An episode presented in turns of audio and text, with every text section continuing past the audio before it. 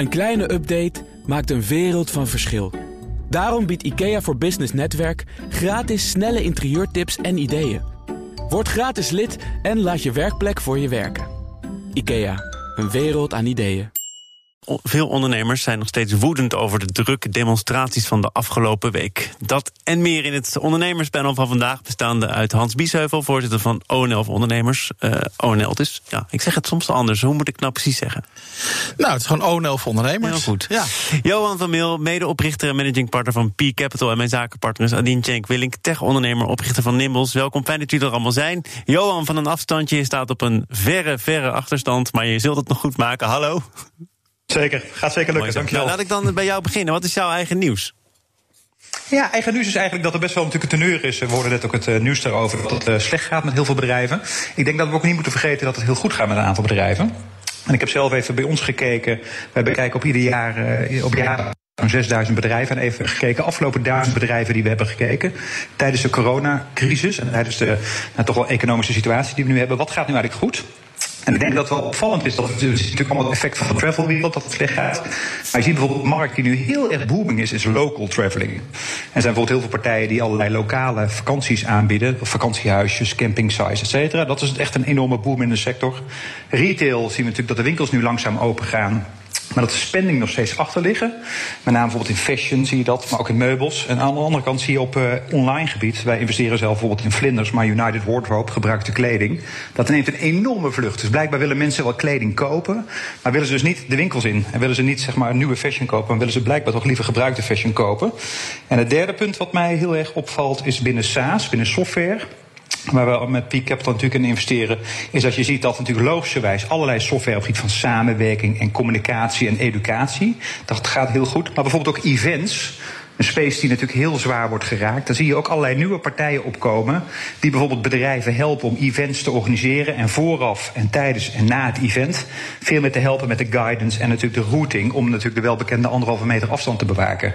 Dus je ziet zoals bij iedere crisis zie je ook weer dat deze crisis ook weer hele nieuwe bedrijven laat creëren. En hele nieuwe kansen laat zien. Ja, ik waardeer je optimisme, maar als je dit in verhouding moet zien. Hoeveel bedrijven hebben het nou zwaar en hoeveel bedrijven bloeien juist op? Waar kom je dan op uit? Ja, veel meer bedrijven hebben het zwaar. Maar ik denk dat de betere ondernemers nu ook deze kans ook aangrijpen om hun businessmodel te veranderen. Om een bedrijf gewoon te pivoten, zoals we dat allemaal noemen, naar een succesvol model. Ja, ja, ja, precies. Hans, wat, wat, oh, je moet erbij lachen. Vanwege de pivot of vanwege het optimisme van Johan? Nou, ik ken Johan vrij goed, dus uh, ik vind het wel mooi ja. dat hij dit er even ingooit. Maar is dit, is dit de tijd voor de echte ondernemer of is dat te makkelijk gesteld? Nou, is een tikje te makkelijk. Kijk, natuurlijk, ik, ik ben het met hem eens. Hè, dus een moment om je ook te laten zien als ondernemer creatief te zijn. Maar ja, er zijn natuurlijk sectoren. zoals de bowlingcentra, waar we het zo nog even gewoon ja, hebben. Die, zeker. Dat echte puur zang MKB-ondernemers zijn. Die gewoon dicht moeten. He, die geen, niet, dicht open, uh, niet open mogen. En geen enkele mogelijkheid hebben om op een andere manier geld te verdienen. En dan is het natuurlijk wel heel erg lastig om te pivoten of te vernieuwen. Want dan, ja, hoe, hoe doe je dat dan? Hè? Als je verplicht gesloten Nou, Johan, hoe doe je dat dan? Ja, als er inderdaad van bovenaf wordt opgelegd dat je niet zoveel mag? Ja, nee, als je een bestaand bedrijf hebt en je met name natuurlijk met de fysieke ja. situatie maken, zoals inderdaad een, een bowlingorganisatie, dan is dat moeilijk. Um, maar ik denk dat is ook het grote voordeel van een techbedrijf, waar wij natuurlijk piek met name in investeren. Ja, dan kun je makkelijker pivoten en dan ben je veel flexibeler als jong bedrijf dan een traditioneel bedrijf. Ja. Dan staat hier nog een tech-ondernemer aan tafel. Adien, is het, is het zo makkelijk om te pivoten, te draaien, om er een, een nieuw model in te fietsen? Uh, hangt natuurlijk van de grootte van je bedrijf af. En inderdaad, technologie maakt het makkelijker om snel een, een draai of een andere propositie naar buiten te brengen. Uh, echter zijn ook veel start-ups um, erg afhankelijk van hun investeerders. Uh, en daar zie je ook wel vaak dat er ja, het stroef verloopt. Johan, investeerder? Ja, dat, ja, absoluut. Ik als investeerder, nee, dat zie ik absoluut in de markt. Uh, je ziet nu dat, dat investeerders die maken heel erg zogenaamde tweedeling tussen zeg maar, vitamins en painkillers, pijnstillers.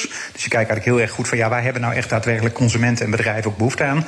En investeerders kijken gewoon heel erg naar de sustainability van, de, van het bedrijf. Weet je, is dit bedrijf hier to stay?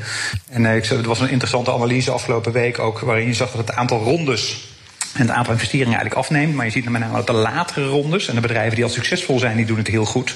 Dus ik denk wat dat betreft, als je als ondernemer nu tegen de muur aan staat en in een business zit die onvoldoende zeg maar, directe waarde genereert, of dat je onvoldoende cash hebt, ja, dan moet je echt vol veranderen. Maar hoe doen jullie het dan? Want uh, je, je, spreekt nu in het algemeen over investeerders, maar P Capital is zelf een investeerder. Adien zegt uh, dat ze toch ook wel verhalen kent waarin het allemaal stroef verloopt. Merk je ook dat het bij jullie stroef verloopt? Nee, we hebben afgelopen, beetje krijgen, afgelopen drie maanden hebben we drie nieuwe investeringen gedaan. Dus in tegenstelling merk ik dat het schroef verloopt. Ik weet wel dat er in het algemeen bij investeerders dat zij veel afwachtender zijn. En dat natuurlijk het proces van investeren, wat natuurlijk heel erg zit op mensen. En gewoon mensen in de ogen kunnen kijken en daarmee samen kunnen werken, dat loopt natuurlijk wat stroever. Maar als ik zelf nu kijk naar de deals die wij hebben gedaan en ook hoeveel in de pijplijn zit wat we willen gaan doen, dan merk ik die vertraging totaal niet zelfs. En Nadine knikt een beetje. Maar goed, daarover misschien een volgende keer meer. Hans, ja, als we het niet over die bowlingclubs hadden gehad, dan was je niet gekomen. Het zit je hoog. Wat ja, is er het zit me hoog. bowlingclubs? Nou, weet je, die, dat is nou typisch een sector waar we het niet zo vaak over hebben hier bij BNR. Maar dat zijn dus heel veel MKB-ondernemers in Nederland. Met, die een nek uit hebben gestoken. Met mooie, mooie gebouwen, mooie horeca erbij. En het probleem is dat ze pas op 1 september open mogen. We mogen dus nu wel naar een restaurant, we mogen naar de bioscoop, we mogen naar de sportschool, maar we mogen geen balletje gooien op een bowlingbaan. En het vervelende is dat daar ook geen heldere argumentatie voor is. Het is gewoon besloten, we doen het even niet. Nou, het is in ieder geval wel binnen, dat maakt heel veel uit volgens mij in sportbeoefening. Ja, maar als je dan dus wel op een loopband mag gaan rennen in de sportschool, en waarom zou je dan niet een bal mogen gooien op een bowlingbaan? Bovendien hebben ze een perfect protocol opgesteld om allemaal anderhalve meter te organiseren. Dus ik begrijp het niet goed. En nu beginnen de veiligheidsregio's door Nederland heen te zeggen... de ene zegt het mag wel, de andere veiligheidsregio zegt het mag niet. Dus het is nu een soort lappendeken aan het worden. Nou, die ondernemers zijn desperate. Gemiddelde bowlingbedrijf heeft 50.000 euro vaste kosten per maand. Want ze hebben een groot gebouw, ze moeten... Hè, van alle investeringen hebben ze gedaan. Dus die staan het water echt aan de lippen.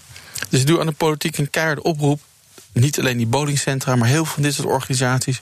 waar die echte MKB-ondernemer vaak nog aan het roer staat. Het helemaal zelf, zonder private equity geld heeft opgebouwd. Geeft u nu de ruimte om weer te gaan ondernemen. Want ik vind het niet uitlegbaar dat ik wel naar de bioscoop mag. wel naar de sportschool mag en niet naar een bowlingbedrijf. En over hoeveel bowlingbedrijven praten we eigenlijk? Oh, sorry, Ading. Oh. Ja, er zijn ongeveer 200 in Nederland. Uh, iedere, iedere Nederlander heeft wel een keer gebold, zeg maar. Of iedere afdeling van een bedrijf heeft het wel eens een keer gedaan.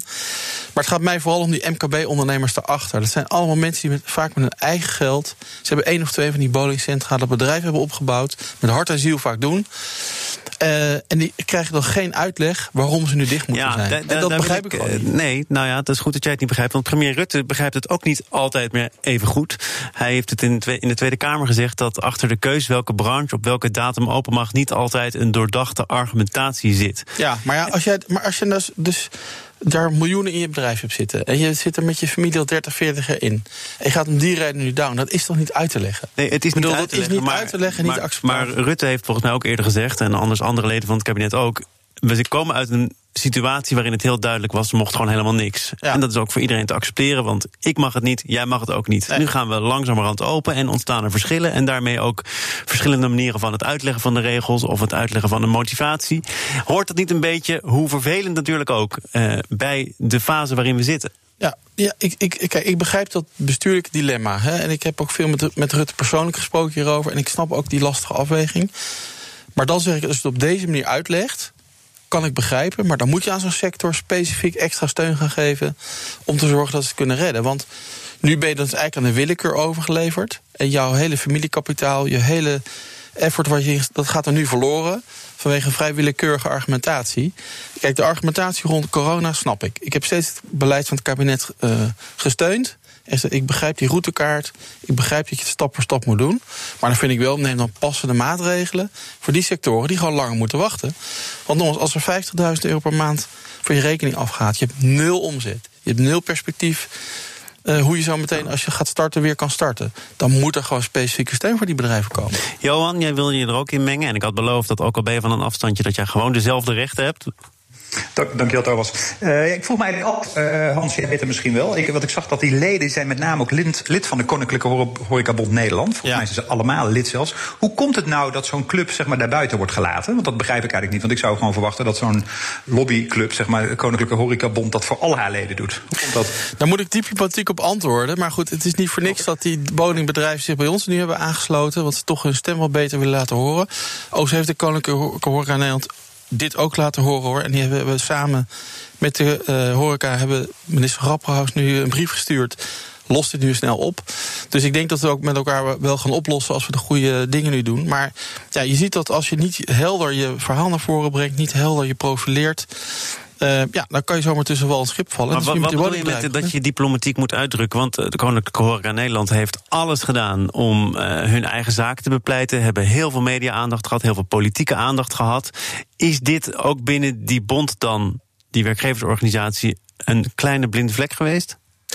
Ja, weet je, ik ben daar niet bij, dus dat kan ik moeilijk beoordelen. Ik weet alleen maar nu dat die woningbedrijven dreigen om te vallen. Driekwart dreigt om te vallen. En daar wil ik, dat zijn 6000 banen. En die wil ik gewoon vasthouden, punt. Goed, dan uh, gaan we naar een ander onderwerp. Maar eerst zal ik nog even zeggen wie jullie ook alweer zijn. Zaken doen.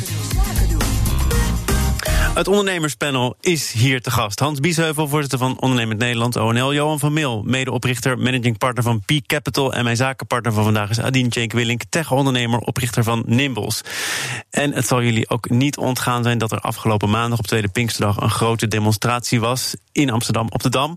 Alle coronamaatregelen leken opeens te worden genegeerd, tot frustratie van veel medewerkers in de zorg, thuisblijvers en ondernemers. Hans, wat dacht jij toen je de beelden zag? Nou, ik vond een klap in het gezicht van heel veel ondernemers. Dat heb ik ook vrij snel op social media gezet.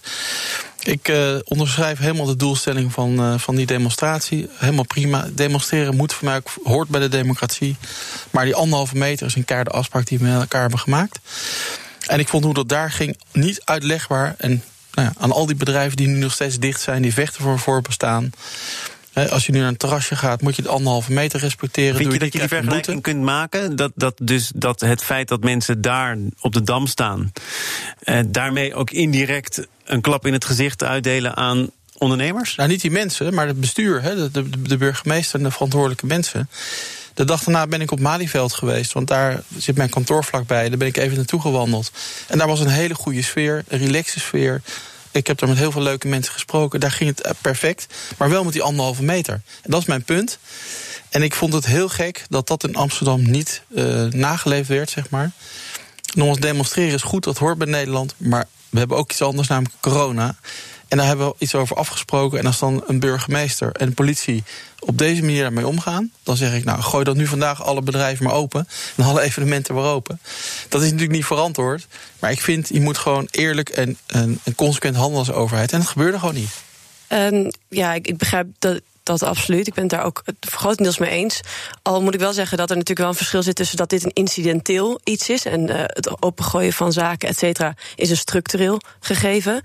Um, en ja, ik heb eh, persoonlijk heel veel. Um, uh, respect voor hoe Hasma dat uiteindelijk heeft opgelost. Want ik geloof wel dat zij naar een sentiment in de samenleving heeft geluisterd. En gezien heeft dat als je daar politie op afstuurt, dat je dat daarmee waarschijnlijk es escaleert. Maar er is toch helemaal geen bewijs voor dat het ging escaleren. Ik bedoel, ik, ik heb van de week op het Malieveld ook gezien. Die mensen waren juist perfect bereid om met de autoriteiten lokaal afspraken te maken en goed samen te werken. Dus het kan prima. Je kan volgens mij perfect demonstreren en toch die anderhalve meter respecteren.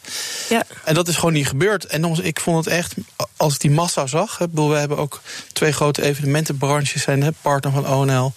Die evenementensector zit totaal in het slop. Daar, vallen de bedrijven borstjes werkelijk om vanwege de anderhalve meter. En dan zet je de dam voor met 5000 mensen ik, ik, ik, ik, was er niet. Ik las wel een artikel met een hoogleraar crowdmanagement. Die zei, het was daar inderdaad druk, 5000 eh, mensen. Maar je moet ook niet onderschatten dat de dam toch tamelijk groot is. Het was op geen enkele manier te vergelijken met, ik noem maar wat, Koningsdag. Ja, maar goed, het blijft toch voor de beeldvorming heel gek. Het is ook natuurlijk ook niet voor niets dat er zoveel onrust over ontstaan is. Uh, ik, ik, ik vind het moeilijk uit te leggen wat daar gebeurt. Laat ik het daar maar op houden, want anders ga ik mijzelf herhalen. Johan, wat dacht jij? Ik dacht, uh, daar heeft iemand zitten slapen. Want uh, ik denk als je in de data-analyse bekijkt. Ik zat even te kijken op wat, uh, wat social media tools. En je keek naar de traffic die ging over, over dit event, over deze bijeenkomst, deze demonstratie. Dan zag je gewoon een enorme lift. Zag je eigenlijk heel snel opkomen. Je zag ook een aantal bekende influencers zeggen van joh, ik ga daarheen. En ik denk dat het openbaar bestuur wel even gewoon wat dichter op de bal had moeten zitten. Zeker omdat Femke Halsema daar zelf ook rondliep zonder mondkapje. Ja, dat is toch wel een beetje een gekke setting. Ik vind dat, ik begrijp volledig het punt van Hans. Ik zou ook als ondernemer die die uh, nou, toch wat uh, in de problemen zit en hij wordt gecontroleerd aan alle kanten, hij wordt beperkt. En zou ik me ook wel heel gek voelen. Dus ik begrijp, ik begrijp volledig zijn punt. Ja, Adien, jij zei net tegen mij voordat deze uitzending begon... we gaan hier toch wel over hebben. En toen zei hij erbij, uh, het is dat ik het niet wist... maar had ik geweten ja. dat die demonstratie er was... Nou, had ik het zeker en binnen de perken zou zijn gebleven, dan was je er misschien wel heen gegaan. Ja, nou, met, met wel een besef dat je anderhalve meter afstand van mensen houdt, natuurlijk. Maar um, ja, ik vind het vooral interessant dat we het nu alsmaar hebben over corona en de anderhalve meter die niet gehanteerd werd. Terwijl uh, dit een, volgens mij een ongelooflijk thema in onze maatschappij is, uh, nu zichtbaar is. Ik denk dat we als we naar Amerika kijken en de protesten, prote, ja, protesten de hele wereld rond zien gaan, denk ik dat we veel meer moeten opletten uh, naar waar dat sentiment vandaan komt. Maar, maar als nou even, hè, stel nou dat nu morgen dat we in één keer weer een uitbraak van corona hebben, hè, door, hierdoor, en dat heel Nederland weer op slot moet, zeg je dit dan nog? Ik denk dat als uh, deze damprotest met 5000 mensen een uh, corona-uitbraak uh, bezorgt, dat dat een ongelooflijk mooie testcase is om te laten zien wat het nou nodig is om dus weer zo'n uitbreek. En dat we daarvan kunnen leren. En ik denk inderdaad dat we moeten zien als een incidenteel iets, wat niet elke dag we moeten willen. Maar volgens mij is dat ook niet aan de orde. Maar, maar, maar je kan toch op veel manieren demonstreren zonder dat je, dat je zo dicht op elkaar Absoluut. gaat staan? Ik bedoel, ja, ik, sta helemaal achter het doel van die demonstratie. Daar ja. helemaal geen discussie over. Maar we hebben net de vreselijkste ramp over ons heen gehad in 100 jaar. Er zijn ik geloof 45.000 mensen die een baan zijn kwijtgeraakt. Alleen aan de maand maart. Ja, ik bedoel, ik... daar kan je toch niet zomaar aan de kant smijten al die doden, al die IC-bedden. En zeggen, nou, weet je, zoek het maar lekker uit. We gaan lekker hier op, dicht op elkaar staan. Ja, en ik denk ook dat niemand dat uh, in die organisatie... of vanuit de gemeente Amsterdam dat echt gedaan heeft. Ik denk dat daar een incident is geweest... waar veel te veel mensen te dicht op elkaar hebben gestaan. En um, volgens mij protest in Arnhem... waar stippen op de vloer stonden... Uh, of op de grond stonden bij de markt... waardoor dat wel goed is gelopen. En Malieveld... Uh, maar dat is precies waar het over gaat. Het ja. kan dus, en die kan toch goed georganiseerd... Maar, het is ja, dus, dus niet goed, maar het is dus niet goed ingeschat... Het is niet goed begeleid. En het beeld, nogmaals, het gaat maar ook om het beeld vind ik niet uit te leggen. Nogmaals, kijken in de eventsector. Er gaan echt werkelijk honderden miljoenen zijn er verloren. Ja. Ja. Tienduizenden bedrijven zitten diep in een probleem. Dat kan je toch niet uitleggen? Maar, nou, nou, jij zegt uh, dat je het niet kunt uitleggen. Jij hebt ook, neem ik aan, contact met je leden. Zijn er leden die hebben gezegd... weet je wat, er gelden voor mij nu regels... maar die lap ik aan mijn laars. Want nou ja, dat gevaar gebeurt... loop je nu natuurlijk enorm. Kijk, als jij met je rug tegen de muur staat... Hè, het is geen bank die jou financiert omdat je verlies maakt... terwijl je in de problemen zit, niet door je eigen beslissingen, maar de overheidsbeslissingen. Ja, en je ziet dit. Ja, hoe, hoeveel kan je dan van dat incasseringsvermogen van ondernemers vragen om zich netjes te blijven houden aan die regels? Daar gaat het mij gewoon om. Johan, heb jij nog een slotwoord? Ja, over deze kwestie? Ik heb, afgelopen, ik heb afgelopen week drie keer de horeca uh, mogen bezoeken zelf. En uh, ik, ik, merk een heel groot verschil in de horeca. Sommige, sommige bedrijven zijn inderdaad heel erg met handschoenen en op afstand, et cetera. Maar ik merk ook naarmate de tijd vorderde in de week dat mensen gewoon relaxer worden. En dat is het gevaar wat je nu gaat krijgen hierdoor. Ik, uh, ik, ik hou me hard vast voor wat er dadelijk gaat gebeuren. Inderdaad, over twee weken als we de cijfers terugzien. Maar, maar pardon, zou het feit dat er in de horeca wat ontspannender omgegaan wordt met maatregelen te relateren zijn aan wat er op de Dam gebeurd is? Ja, ik denk het wel. Want ik denk dat ondernemers, er staan heel veel ondernemers ook die ik ken. En ook dat dan nou tech-ondernemers zijn, of gewoon zeg maar, winkeliers of, of inderdaad horeca-mensen. Er staan heel veel ondernemers met de rug in de muur. En ik denk als je met de rug tegen de muur staat en je ziet dit, dat wordt alleen maar gemotiveerd dan vervolgens. En dat verklaart ook, denk ik dat je de teugels wat meer laat vieren. En dan ga je ook denken van ja, waarom ga ik dit doen eigenlijk? Waarom ga ik mij zo sterk aan die regels houden? Terwijl ik gewoon zie dat het publieke bestuur in Amsterdam dit toestaat. Laten we deze week van BNR Zaken doen afsluiten met een technische kwestie die door Hans Biesheuvel toch nog op een eenvoudige manier wordt uitgelegd. Namelijk het verbandings, verpandingsverbod dat wordt afgeschaft. Ja, nou dat stond al vanaf dag 1 ongeveer op onze agenda. En dat verpandingsverbod gaat eigenlijk over heel simpel over... als jij levert bijvoorbeeld aan een grote retailer of aan een groot bouwbedrijf... dan dwingen, willen ze graag van je afdwingen dat je uh, de vordering op die, uh, op, die, op die retailer of dat bouwbedrijf... dat je niet verpand aan je financier. Met andere woorden, als ik, ik leverde vroeger bij Praxis verfkwasten. En die facturen die ik dan de praxis stuur, die mochten we niet gebruiken als onderpand voor mijn rekening bij de bank. Nou, dat noemen we eigenlijk inkoopmacht. Uh, nou, minister Dekker heeft goed gelukkig naar ons geluisterd. En heeft gezegd: ik ga nu een wet indienen, dat mag niet meer. Dus die retailer mag dat niet meer van jou vragen. Die mag dat verpanningsverbod echt niet meer opleggen. Nou, waarom is dit nou belangrijk? Dit geeft heel veel kredietruimte aan het MKB. Of in ruim een miljard op jaarbasis. Extra kredietruimte. Vanwege het, nou ja, het verdwijnen van het verpanningsverbod. Dus heel goed nieuws voor het MKB. Maar is ook goed die, nieuws. Die leveranciers, die grote bedrijven, die, die. dwingen dat gewoon af. Maar die zeiden ooit ook dat ze bang zouden zijn voor onbekende debiteuren. voor administratieve Ja, dat is een gezocht ja, argument. Ik zeg het maar even. Dat is een gezocht argument. Ik heb zelf in die situatie vaak gezeten. En dan werd er vaak gezegd: ja, maar we willen gewoon grip op jou houden. Nou, dat vind ik allemaal leuk en aardig. Maar ik moet het ook allemaal kunnen financieren. En, als je, en dat weet Adien waarschijnlijk ook wel, als je naar de bank gaat en je vraagt rekening courant, dan willen ze iets van onderpand. Nou, dat is vaak voorraden en debiteuren. In mijn geval was het voorraden, maar ook vaak natuurlijk debiteuren. Nou, als je die debiteur dan niet kan verpanden, kan je dus gewoon minder krediet krijgen. Nou, dat gaat er gelukkig niet af. En overigens, het mag nergens in Europa, verpandingsverbod. We waren nog het enige land waar het nog mocht. Dat gaat nu verdwijnen. En daar ben ik echt heel blij mee.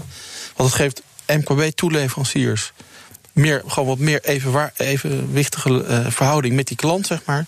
Maar het geeft ook een miljard kredietruimte. En dat kunnen we heel goed gebruiken. Willem, uh, heb jij er wel eens mee te maken gehad? Ik heb hier geen uh, ervaring mee, nee. Maar wij hebben ook geen voorraden of uh, debiteuren. Nee.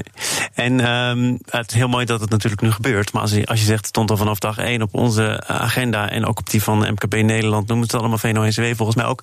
Waarom heeft Nederland zo lang vastgehouden aan die uitzonderingspositie in heel Europa? Nou, omdat de lobby natuurlijk van de AHOLS en de Bijenkorfs en de Actions en zo sterk is. En daar hadden ze de banken ook in mee, want die banken. Nou, laat ik het die, ook weer. Ik ben een diplomatieke bij vandaag. Jammer. Nou, ook graag wat grip op die MKB-leveranciers. Dus uh, die lobby was heel sterk. Dus ik had wel tijd nodig om daar doorheen te breken. Maar dat is nu gelukt. Is het ook niet uh, overigens heel naïef van uh, minister Dekker, die natuurlijk nu zegt er is ruimte dan van 1 miljard gecreëerd bij die banken. Maar banken passen, denk ik, sowieso toch een beetje op in deze tijd. Ja, en terecht denk ik, want ze moeten ook netjes op, op de centjes letten en er verantwoord mee omgaan. Maar het gaat mij ook een beetje om het principe dat je. Kijk, ik ben voor dat vrije ondernemerschap en dat je onderling gewoon goede zaken met elkaar kan doen. En dat het een beetje op een gelijkwaardige manier is. En als je toeleverancier bent bij zo'n grote retailer, heb je natuurlijk al een wat lastige positie. Want je hebt maar vaak maar één, twee of drie van die grote klanten en zij hebben 10.000 toeleveranciers. En er komt nu iets meer evenwicht in je relatie. En dat vind ik eigenlijk het allerbelangrijkste. Die uitgangspositie van het zaken doen breng je iets meer, meer op hetzelfde niveau. En nogmaals, ik heb natuurlijk ook met de bank hier al lang over gesproken. En die zien dit punt natuurlijk uiteindelijk ook ja, wel. Ja. Uh, dus ik denk dat het goed komt. En als ik dan een, misschien de vervolgvraag, maar wordt er dan ook iets aan gedaan aan de uh, betaaltermijnen? Nou, dat, dat hebben we geregeld. Want, is dat zo, ja? Ja, want we hebben twee jaar geleden is de wet op de betaaltermijnen dankzij ONL is aangenomen. En dat Mooi. betekent dat nu wettelijk vast ligt. De betaaltermijn is gewoon 30 dagen. Ja. Daar moet iedereen zich aan houden. Ja, dat moet, Maar- dat moet wel, hè? Ja, dat moet wel. Ja, Niet. Ja. Ja, nou, dat is lastig. Ik heb ook de afgelopen maanden heb ik veel CEO's van grote bedrijven gebeld die eenzijdig die betalingstermijn Ja, optrokken vanwege de corona. Als jij het toch over de action had, dat was zo'n voorbeeld. Dat was een voorbeeld. Die heb ik ook gebeld in de carklas en noem ze allemaal Ja. maar op. Ik wil niet al die namen weer opnieuw noemen hier, maar er zijn er al shaming aantal. is goed, volgens mij. In dit Ja, geval. ze, hebben- nou. ze zijn ook bijgedraaid, dus misschien is dat de reden dat we ze niet weer gaan noemen. Het interessante is dat een aantal, eh, op het moment dat ik belde, schrokken. Oh jee, die man belt. En, stond in, en dat, om die reden trok ze al terug. dat heb ik ook altijd als jij belt. Nee, Ja, Johan. ik merk het, ik merk Johan, het. wat, wat, eh, tot slot, wat wil jij hier nog over zeggen? Ja, goed dat dit gebeurt. Eh, wij, zitten, wij, zitten, wij investeren zelfs in Florijn. En dan heb je ook natuurlijk met deze markt te maken. En ik denk dat het heel goed is voor het MKB. Dat zij minder afhankelijk worden van grootbedrijf. Je ziet dat grootbedrijf sowieso veel meer dominantie krijgt eigenlijk in de keten. En ik denk dat dit een hele goede ontwikkeling is. Het grootbedrijf minder dominantie in de keten, ja? Heel lang, Het heeft heel lang geduurd dit, voordat het eh, voor elkaar is eh, gekomen. Eh, ik vind ook wat dat betreft vind ik dat op een aantal dossiers... ik los vanochtend in de krant, zoals we denken allemaal... dat zelfs de overheid nu HEMA overweegt te gaan steunen. Um, ik denk dat de lobbykracht van grote bedrijven in, in Nederland wel heel erg dominant gaat worden. Ook uh, als je naar KLM kijkt. Dus ik denk dat het heel goed is dat uh, MKB en daarin ondersteund wordt. En ook dat er veel meer faciliteiten komen om hun zelfstandig te laten ontwikkelen. Johan, Johan van Meel, dank voor je bijdrage aan het ondernemerspanel van Peak Capital. Hans Biesheuvel, voorzitter van ONL en liefhebber van de bowlingsport, of niet eens? Ja, nee, ik ben Ja, een fan. vanavond weer. tuurlijk, Oh nee, tuurlijk. Eh, en mijn zakenpartner uiteraard, Adien Tjenkwilling van Nimbles. Fijn dat je er was de afgelopen twee uur. Morgen dan is het ook voor mij weekend. Gaat ook nog voor overmorgen. Maandag is er weer een eh, nieuwe BNR Zaken doen. Dan gaat het over de sportscholen die twee weken, twee maanden eerder dan verwacht open mochten. Dat is mooi, maar uit de rode cijfers komen, dat gaat nog heel lang duren. Denkt in ieder geval Ronald Wouters van NL Actief. Hij is maandag te gast. Zometeen eerst tijd voor Nieuwsroom. Nieuwsroom Den Dat is de podcast die gemaakt wordt door de collega's van het FD en BNR. Gepresenteerd door Mark Beekhuis. Veel plezier. Goed weekend. Tot maandag. Als ondernemer hoef je niet te besparen op je werkplek. Want IKEA voor Business Netwerk biedt korting op verschillende IKEA-producten. Word gratis lid en laat je werkplek voor je werken. IKEA, een wereld aan ideeën.